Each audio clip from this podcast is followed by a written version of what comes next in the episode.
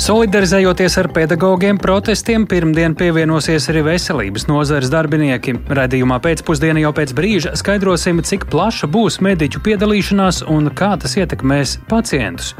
Ar valsts aizsardzības dienesta karavīru gaidāmo ikdienu šodien ādažos iepazīstināja bruņoto spēku instruktori. Puišiem un meitenēm kazarmas būs kopīgas. Ir, ir jautri. Tik daudz var pateikt. Dušas un tolis ir atsevišķi. Valsts prezidents ir apstiprinājis Latvijas karogu. Kāds tas izskatās un kur tiks izmantots? Arī par to tūdaļ ziņu raidījumā pēcpusdienā kopā ar mani Tāli Eipuru.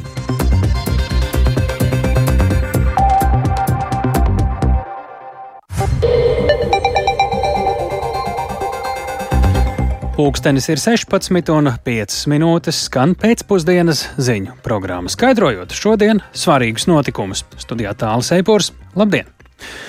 Valsts prezidents Egils Levits lūdzas rūpīgi izvērtēt visus apstākļus, kas saistīti ar valsts policijas un prokuratūras to amatpersonu rīcību, kam pildot dienesta pienākumus bija zināms par nogalinātās sievietes iepriekš sniegtajām sūdzībām par apdraudējumu viņas dzīvībai. Te runa par gadījumu Jēkabpilī. Valsts policijas priekšnieks Armāns Ruks tikmēr Latvijas radio raidījumā Labrīt kolēģim Laurim Zvejniekam pauda pārliecību, ka vīrieša atrašana šobrīd ir vien laika jautājums. Pagaidām nav zināms, kad dienesta pārbauda par šo slepkavību policijā varētu noslēgties. Pārbaudu sāka, lai pārliecinātos, vai policisti rīkojās pietiekoši aktīvi un profesionāli. Taču Ruks saka, ka objektīvu pārbaudi dažās dienās nevar pabeigt. Vienlaikus viņš noraida pārmetumus par tikai policijas vainu attiecībā uz šo slepkavību. Protams, šis gadījums ir ārkārtējs un traģisks, un man tiešām arī sirds sāp par šo notikumu. Bet, jebkurā gadījumā, te ir sistēma jāskatās.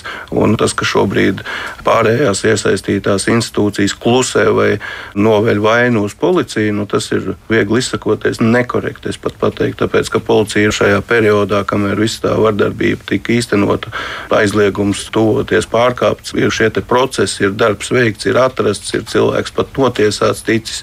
Respektīvi, ir jāsaprot, ka mūsu sabiedrībā ir vardarbīgi cilvēki, un ir mūsu sabiedrībā cilvēki, kuri absolūti ignorē šādas piemērotās normas, šāds viegls sots. Atcīm redzot, nav pietiekami arī atturējis cilvēku no vardarbības, kas ir realizējusies šādā veidā, kā cilvēku slepkavība. Ko jūs ar to domājat? Kas ir tās institūcijas, kas klusē? Prokuratūra tiesa, nu, jebkurš krimināla process ir prokuratūras uzraudzībā. Tāpat tās arī tiesa tiesāja, un jebkurā stadijā var rosināt gan šos piespiedu medicīnas līdzekļus, ja ir aizdomas to, ka cilvēkam ir psihiskas problēmas. Tāpēc es noraidu to, ka tā ir tikai policijas vaina neizdarība. Es arī esmu uzdevis veikt dienas pārbaudi. Tāpat tās ir izveidota darba grupa, eksperti vērtējam vispār visas šīs situācijas kopumā, arī normatīvo regulējumu. Skatāmies uz to, ka visi šie panti, kas ir uh, par uh, vardarbības piedraudējumu, par uh, piedraudējumu nogalināt, par vajāšanu, nolēmumu par pagaidu aizsardzību nepildīšanu, tie visi ir krimināli pārkāpumi. Ir jāsaprot juridiskās nianses. Šeit maksimālais brīvības atņemšanas ierobežojums ir trīs mēneši. Jebkurā gadījumā, vai tas ir naudas sots, vai probācijas uzraudzība, vai sabiedriskais darbs. Un ir mūsu sabiedrībā cilvēki, uz ko tas neiedarbojās pietiekami efektīvi. Un tad, tīri no juridiskās puses, mēs iesim ar priekšlikumu papildināt šos pantus ar otrām daļām. Ja saskatām šis vienots noziedzīgs nodarījums, tātad, kas turpinās ilgstoši, pārkāpumu draudēšanu, visas pārējais, nu, kā vērsties var bargāt. Tā valsts policijas priekšnieks Armāns Ruks, tikmēr tiesa noraida valsts policijas priekšnieku pārmetumus un norāda uz pašas policijas neizdarību, jo tā vairāk nekā divus mēnešus nav spējusi atrast un apcietināt vārmāku. Savukārt prokuratūrā izsakās diplomātiski un aicina saglabāt vēsu prātu līdz dienesta izmeklēšanas beigām. Ar Leona Rusiņa nodarījumu izmeklēšanu saistīto iestāžu nostāju noskaidrojusi Zanēniņa. Rēģējot uz valsts policijas priekšnieka komentāru, Zemgales rajona tiesas priekšsēdētāja Līga Ašmana pauž pārliecību, ka tiesa no savas puses izdarījusi visu iespējamo. Rajona tiesā pret aizdomās turamo Leonu Rusiņu pašlaik ir trīs krimināla lietas. Vienā no tām viņš atzīts par vainīgu nolēmuma par aizsardzību pret vardarbību nepildīšanā un sodīts ar īslaicīgu brīvības atņemšanu uz 25 dienām. Turpina Līga Ašmane. Trešajā krimināllietā Zemgales rajona tiesa jau šā gada 8. februārī apsūdzētajam Rusiņam piemēroja drošības līdzekli apcietinājumu. izsludināja viņu meklēšanā un apturēja kriminālu procesu krimināla lietā līdz laikam, kad apsūdzētais tiks atrasts. Un tiesa apsūdzētā meklēšanu uzdeva veikt valsts policijas zemgals reģiona pārvaldes austrumu zemgals iecirknim. Nu, līdz ar to es uzskatu, ka tiesa ir veikusi visas iespējamās procesuālās darbības, lai nodrošinātu šo tiesvedībā esošo kriminālu lietu izskatīšanu, un tā laikā izdarbs bija jāveic policijai. Bet, diemžēl, valsts policijas zemgals reģiona austrumu zemgals iecirknis to nav izpildījis, Ja būtu izpildīts jau šī gada 8. februārī pieņemtais lēmums par apcietinājumu piemērošanu, tad es gribu teikt, slepkavības nebūtu. Jāprecizē, ka trešais krimināla process, ko piemin Zemgales rajona tiesas priekšsēdētāja, uzsākts par draudiem nonāvēt. Savukārt prokuratūrā uz valsts policijas priekšnieka Armanda Ruka pārmetumiem reaģēja ar aicinājumu nogaidīt dienesta izmeklēšanas rezultātus. Turpina Zemgales tiesas apgabala prokuratūras virsprokurors Aigars Bičušs. Te ir krietni liela viela pārdomām, ko mēs visi kopā visdrīzāk esam palaiduši garām sistēmiski. Pārmetums es viennozīmīgi no policijas uh, puses uh, noņemu nost. Uh, no policijas darbinieki, manuprāt, ir rīkojušies adekvāti un atbilstoši, jo trīs krimināllietas ir izmeklētas, nodotas kriminālu vajāšanai un sekojoši arī prokuratūrai pabeigušos kriminālu procesu nosūtot uz tiesu. Virsprokurors uzskaita tiesneses jau pieminētās krimināla lietas, taču aizrāda, ka pēc nozieguma izdarīšanas vainīgajiem sots jāsaņem pēc iespējas ātrāk. Tikai tad to varot uzskatīt par taisnīgu kriminālu tiesisko attiecību noregulējumu, saka Aigars Bičušs. Es uh, gan neesmu padziļināti informēts, uh, kādi iemesli ir divu citu kriminālu procesu neizskatīšanai pagājušajā gadā. Vēl jau vairāk uh, jautājums raisa cits krimināla process, kurš tika nosūtīts tiesas 2021. gada pašā nogalē, un, diemžēl, līdz šai traģēdijai kriminālu procesu izskatīt nebija iespējams. Virsprokurors nekomentēja jautājumu, vai šādi norāda uz trūkumiem tiesas darbā. Vien aicina visus saglabāt vēsu prātu līdz dienesta izmeklēšanas beigām. Viņš arī uzskata, ka par pārkāpumiem krimināla likuma pantos par vajāšanu un draudiem izdarīt smagus miesas bojājumus vai nonāvēt nepieciešami bargāki sodi. Pašlaik tā ir īslaicīga brīvības atņemšana uz laiku līdz trīs mēnešiem. Zana Eniņa, Latvijas radio. Ja būtu bijis izpildīts lēmums par apcietinājumu, slepkavības nebūtu. Tāds lūk citāts no dzirdētā sižeta. Šobrīd pie mūsu klausulas centra Marta vadītāja Iluta Lāce. Labdien! Labdien! Jums mēs zvanām tādēļ, ka mēs zinām, ka otrdien notiks pikets, kurā jūs kopā ar radniecīgām organizācijām pieprasat reaģēt uz atbildīgo iestāžu nolaidību Jēkabpils novadā notikušo slievietes slepkavību, kā arī prasāt politisku atbildību par ilgadēju valdības un saimas nevēlēšanos ratificēt Stambulas konvenciju. Tātad otrdien pikets ar nosaukumu Nāve iemesls, nāves iemesls sieviete. Un uh, tas, ko jums vēlējāmies vaicāt, ir vardarbība pret sievietēm. Diemžēl Latvijā joprojām ir liela problēma. Jūs esat arī norādījuši, ka uz vienu iedzīvu, uz noteikti iedzīvotāju skaitu proporcionāli tā ir lielākā uh, Eiropā, ja salīdzina citām valstīm. Ar ko šis gadījums ir svarīgs, ka, ko tas parāda tādu, lai tieši tagad organizācijas celtos un dotos piketēt?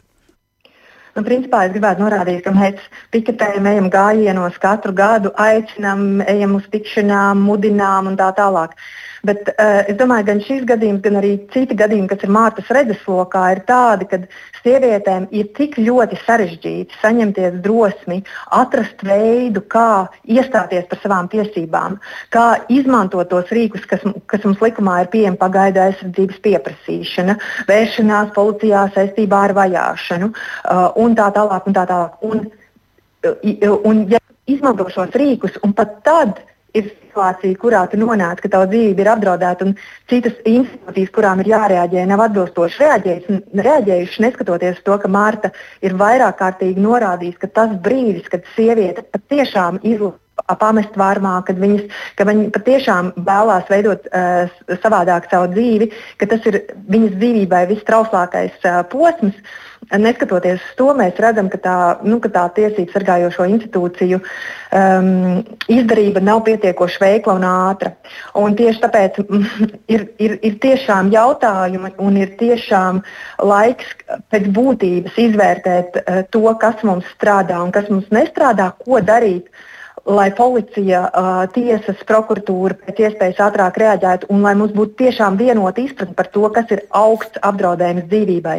Saprotot, ka vajāšana, draudi atņemt otram cilvēkam dzīvību, patiesi ir augsts apdraudējums dzīvībai un ka tur ir jārēģē ar visaugstākajiem mēriem, ko likums paredz.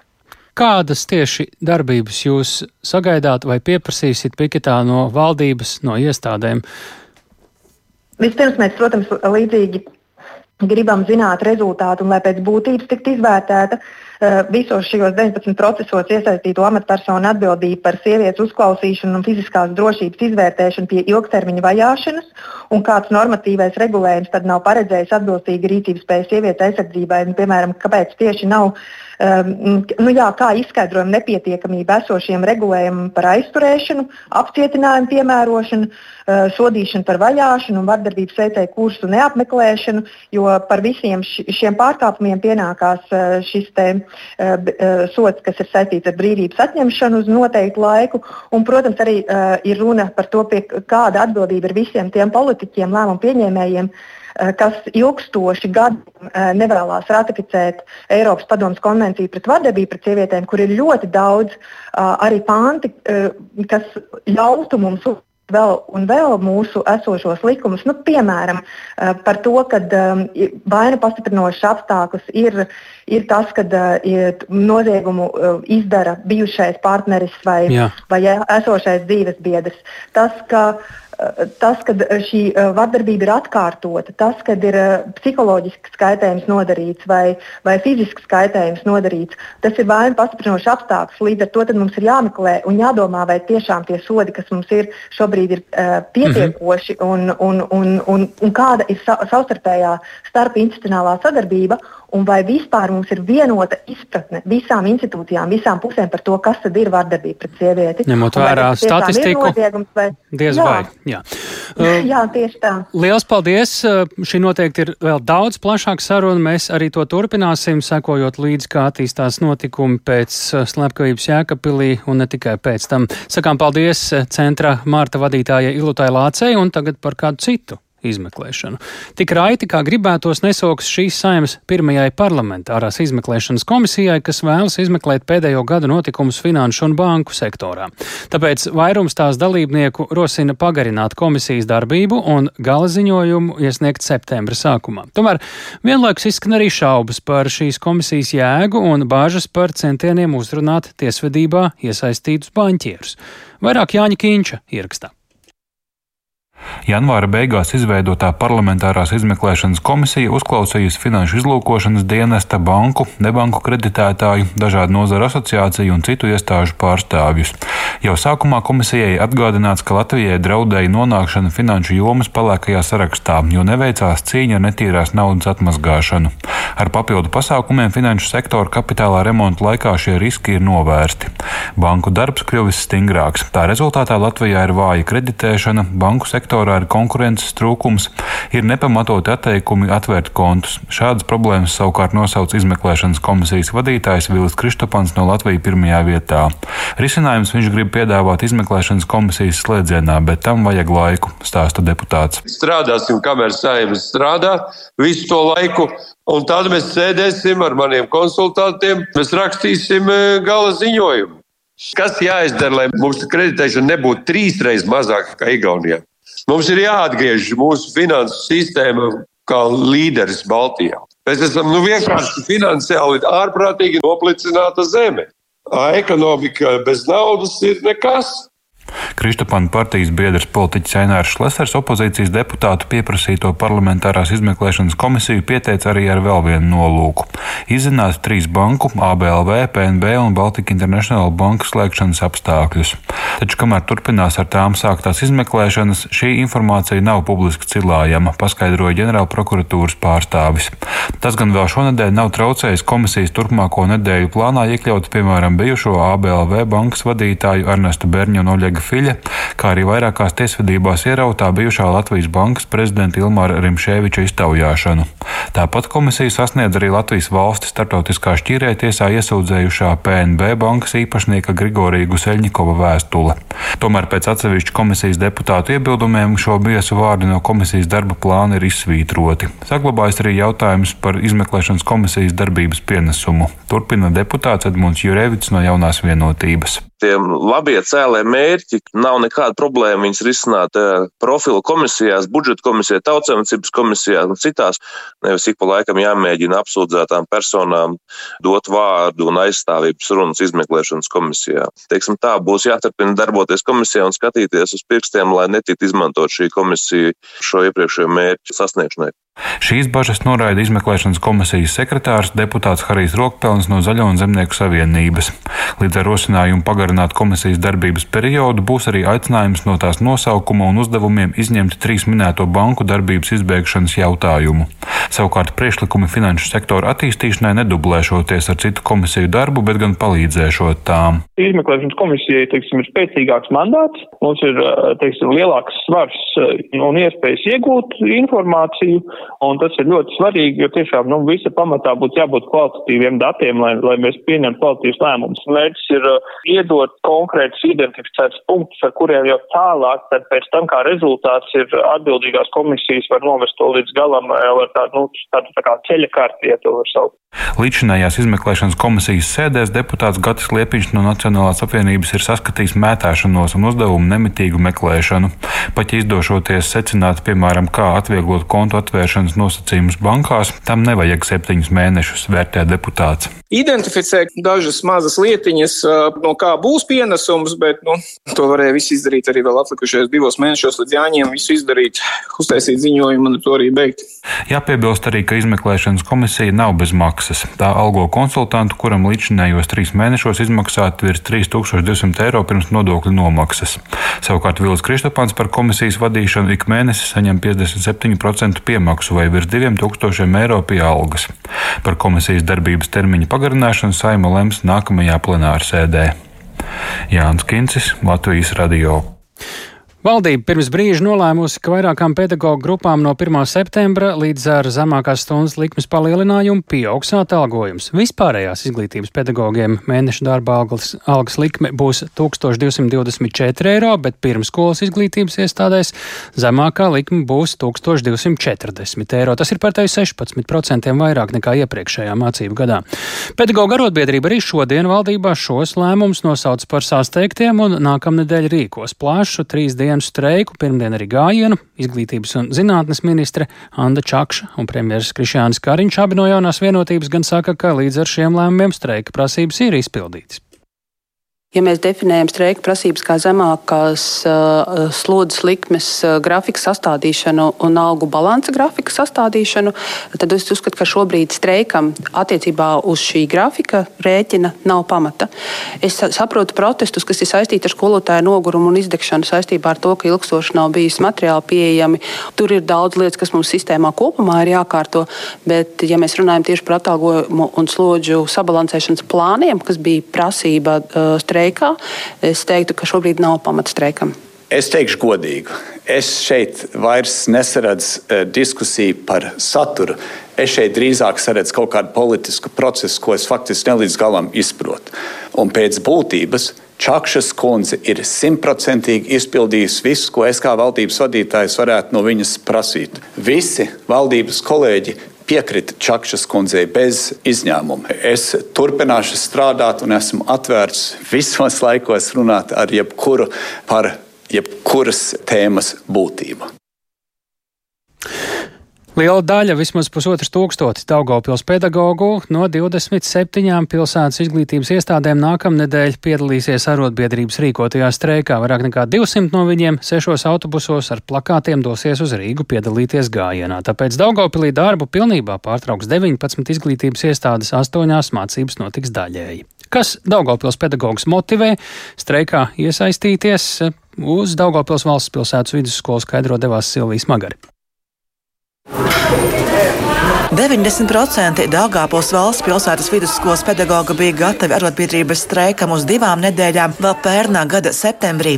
Tika saņemts arī vecāku atbalsts, kam sekoja nožēla, ka toreiz streiks tika atcelts. Žēl, ka nekas neizdevās. Jūs bijāt tiešām nu, viena nozara, kas beidzot kaut ko mēģināja panākt Žēl par rezultātu, tāpēc varbūt tas vēl nav punkts. Šīs vidusskolas direktora vietnieces pirmskolas izglītības jomā Jēļņas Kalmakavas toreiz pirms pusgada vecāku paustais, ka punkts nav pielikts, tagad piepildās. Šorīt to Latvijas rādio apliecina vidusskolas direktors Ilmārs Zučiks. Šobrīd eh, tas, ko arobiedrība man iesniegusi, ir 104 cilvēki, kas gatavi no mūsu kolektīva kopā streikot.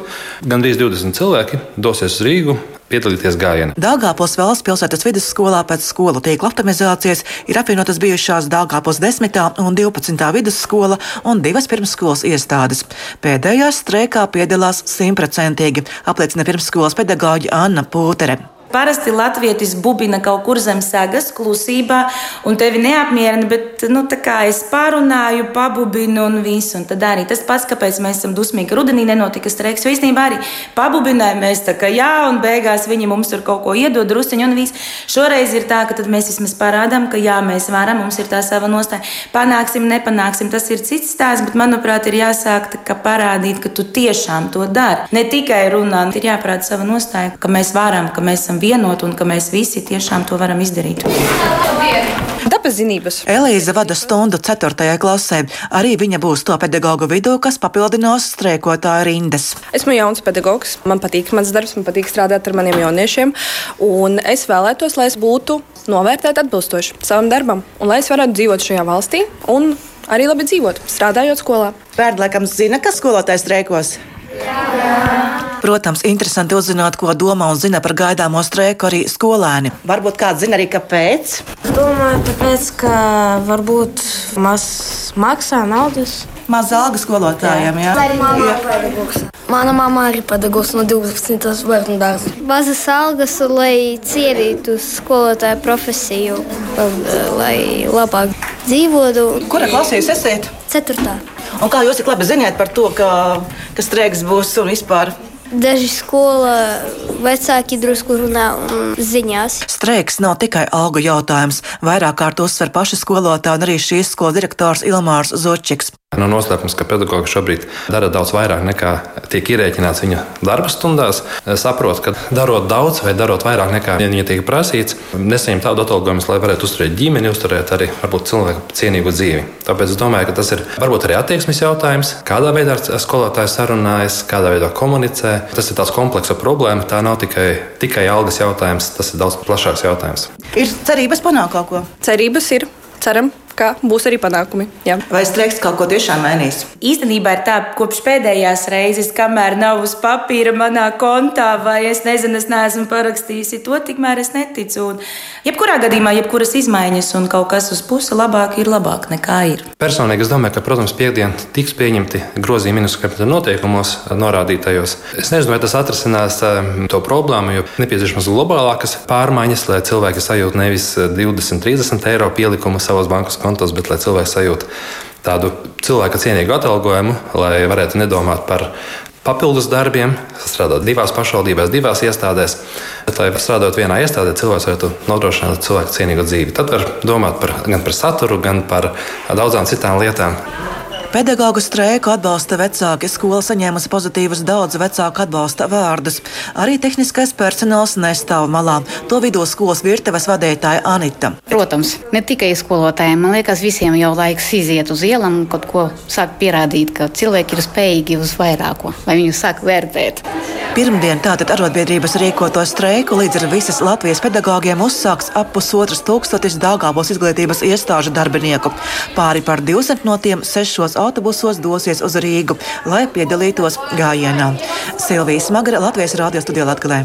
Solidarizējoties ar pedagogiem, protestā nākamnedēļ piedalīsies arī veselības nozares darbinieki. Latvijas ārstu biedrība vērš uzmanību uz to, ka arī veselības aprūpē iepriekš pieņemtiem lēmumiem finansējums bieži nav sekojis. Pacientus mediķu dalība protestā neietekmēs. Plašāk par mediķu dalību un nostāju Sintīs Ambotas ierakstā. Latvijas ārstu biedrība pagaidām lēš, ka skolotājiem gājienā pirmdien varētu pievienoties ap tūkstošu dažādu jomu mediķu. Biedrības vadītāja Ilza Aizsalniec gan norāda, ka tas būs neviens solidaritātes žests, bet arī protests pret iepriekš pieņemtu lēmumu nepildīšanu arī veselības nozarē. 2022. gadā tika apstiprināts un ilgstoši izstrādāts pamatnostādnes veselības aprūpēji 22. un 27. gadam. Un atbilstoši tām pamatnostādnēm cilvēkiem bija jāuzlabo onkoloģiskā aprūpe, sirds, asinsvads slimību aprūpe. Un tur arī mentālās veselības jomā bija vajadzīgs papildus darbības, un arī, ja mums ir papildus darbības, tad uh, papildus jauna izmeklējuma, jaunas zāles, mums ir vajadzīgs papildus finansējums. Un šīs pamatnostādnes tiek pieņemtas, tiek kaut kas plānots, bet tas nekas netiek vērā ņemts nākošā gadā, kad tiek pieņemts budžets. Un tad ir jautājums, kāpēc mūsu likumdevēji var to nedarīt. Savu dalību gājienā apstiprina arī Lauku ģimenes ārstu asociācijas viceprezidents Ainis Dzalps. Viņš norāda, ka gājienā pirmdien piedalīsies arī ģimenes ārsti no dažādiem reģioniem, bet darbu praksēs tas ietekmēšot minimāli. Dzalps skaidro, ka ar protestu vēlas vērst uzmanību uz politikas veidotāju komunikācijas atbildības un izpratnes trūkumu. Gan pedagogi, gan mediķi ir ļoti daudz ieguldījuši laika sarunās par attīstības jautājumiem, par finansējuma jautājumiem, par algu paredzamību, un tas netiek pildīts nevienā, nedz otrā jomā. Problēma, kas šobrīd, ar ko mēs saskaramies, ir kritiska, un nedz mēs, nedz mūsu pacienti nav gatavi šādai finansējuma koncepcijai, ka veselības aprūpe tiek finansēta no citu ministriju pārpalikumiem un atlikumiem. Es domāju, ka šādā veidā mēs varētu varbūt runāt par kādu debesskrāpju celtniecību, bet ne par tik prioritārām jomām kā veselības aprūpe un izglītības joma. Tikmēr, piemēram, Baldas Stradiņa Kliniskās universitātes slimnīcas pārstāve Janita Veinberga saka, ka pagaidām slimnīcā nav jūtama kāda liela aktivitāte saistībā ar plāniem piedalīties gājienā un norāda, ka pacientus tas neietekmēs. Šobrīd mums nav signālu par to, ka kāda struktūra vienība vai slimnīcas nodaļa grasītos pārplānot savu darbu, tādēļ, ka darbinieki vēlas piedalīties protesta gājienā. Viss notiek kā ierasts, pacientiem jāsatraucās nav, ne izmeklējumi, ne vizītes pie speciālistiem nav atcelti vai pārplānoti. Kolēģiem, kuriem šajā dienā, tātad pirmdienā nav jābūt darbā, tā ir viņa brīva izvēle piedalīties vai nepiedalīties, bet slimnīca atsevišķi savus darbiniekus šim šim gājienam neorganizē. Latvijas izglītības un zinātnes darbinieku arotbiedrības protesta akcija noritēs pirmdien, kam sekos trīs dienu streiks. Savukārt veselības nozars darbinieki vēl plašākā protesta akcijā plāno pulcēties arī 11. maijā pie Saimnes nama. Sinti Amboti, Latvijas radio. Rīgā metro busa līnijas projektēšanai domas atbildīgā komisija ir atbalstījusi vairāk nekā 1,3 miljonu eiro finansējumu. Otra puse nāks no Eiropas naudas. Tas nozīmē, ka jau pēc trim gadiem Purciema un Dreiliņu iedzīvotājiem paredzēts jauns, ērtāks, ātrāks un drošāks sabiedriskā transporta risinājums. Kāda būs metro busa līnija un kā uz šo desmitiem miljonu vērto projektu raugās speciālisti, vairāk Viktora Demīdova ierakstā.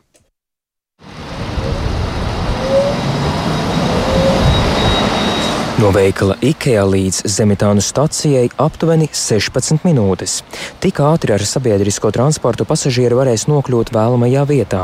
Tā prognozē Rīgas doma, kas apņēmusies līdz 2026. gada vasarai izveidot 6 km garu metrobusa līniju, kas stiepsies pa Dzelzavas ielu. Tagad tāda maršruta nav, bet līdzīgs ir sestā maršruta autobus, kas no Aleksandra Čaka un Pērnavas ielas krustojuma līdz minētajam veikalam ceļā pavada aptuveni divreiz ilgāk.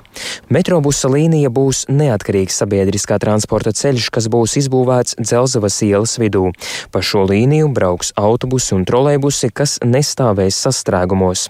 Turpina pilsētas attīstības departamenta pārstāvis Viesturs Krūmiņa Liepa. Galvenā vispār jēga gūt augstas kvalitātes sabiedrisko tramvaju pielīdzināmu mūsdienīgam tramvajam par krietni zemākām ieviešanas izmaksām. Nu, tramvajas sliedas, paši tramvaji, tas ir ļoti dārgi.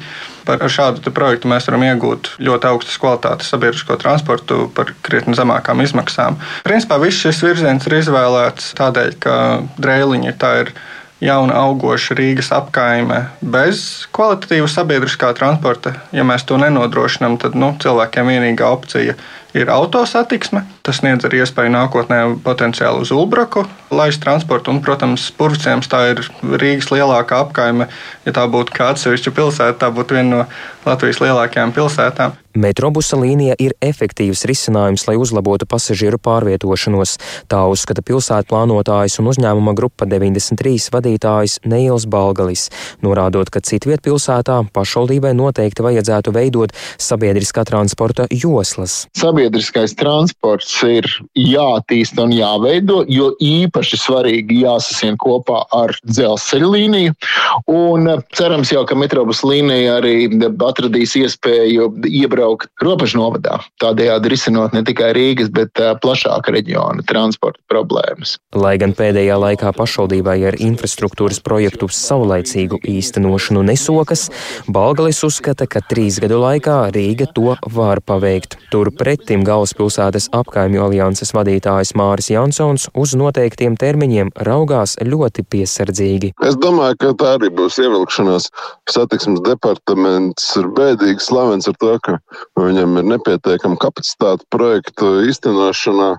Un, uh, tagad pilsēta arvien vairāk tieši dod naudas tiem projektiem, nekā agrākos gados, un uh, viņi vienkārši netiek galā jau tagad. Es domāju, ka viņi netiks galā arī nākotnē, bet es, protams, piesardzīgi ceru, ka šī gada reorganizācija tur kaut kā palīdzēs, nevis pasliktinās. Kilometriem garajā posmā plānots ne tikai izveidot minēto metrobusa līniju, bet arī pagarināt Dzelzavas ielu, to savienojot ar Juglas ielu.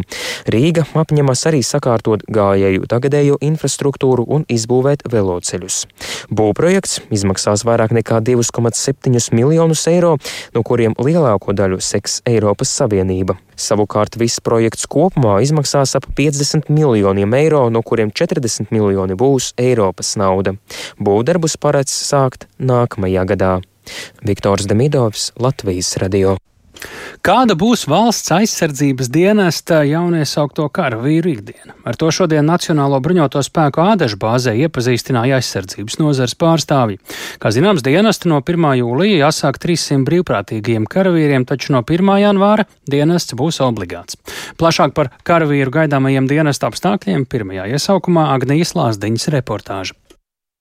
Pirmajā dienā mūs iepazīstināja ar ēdnīcu, kas visiem ļoti patika.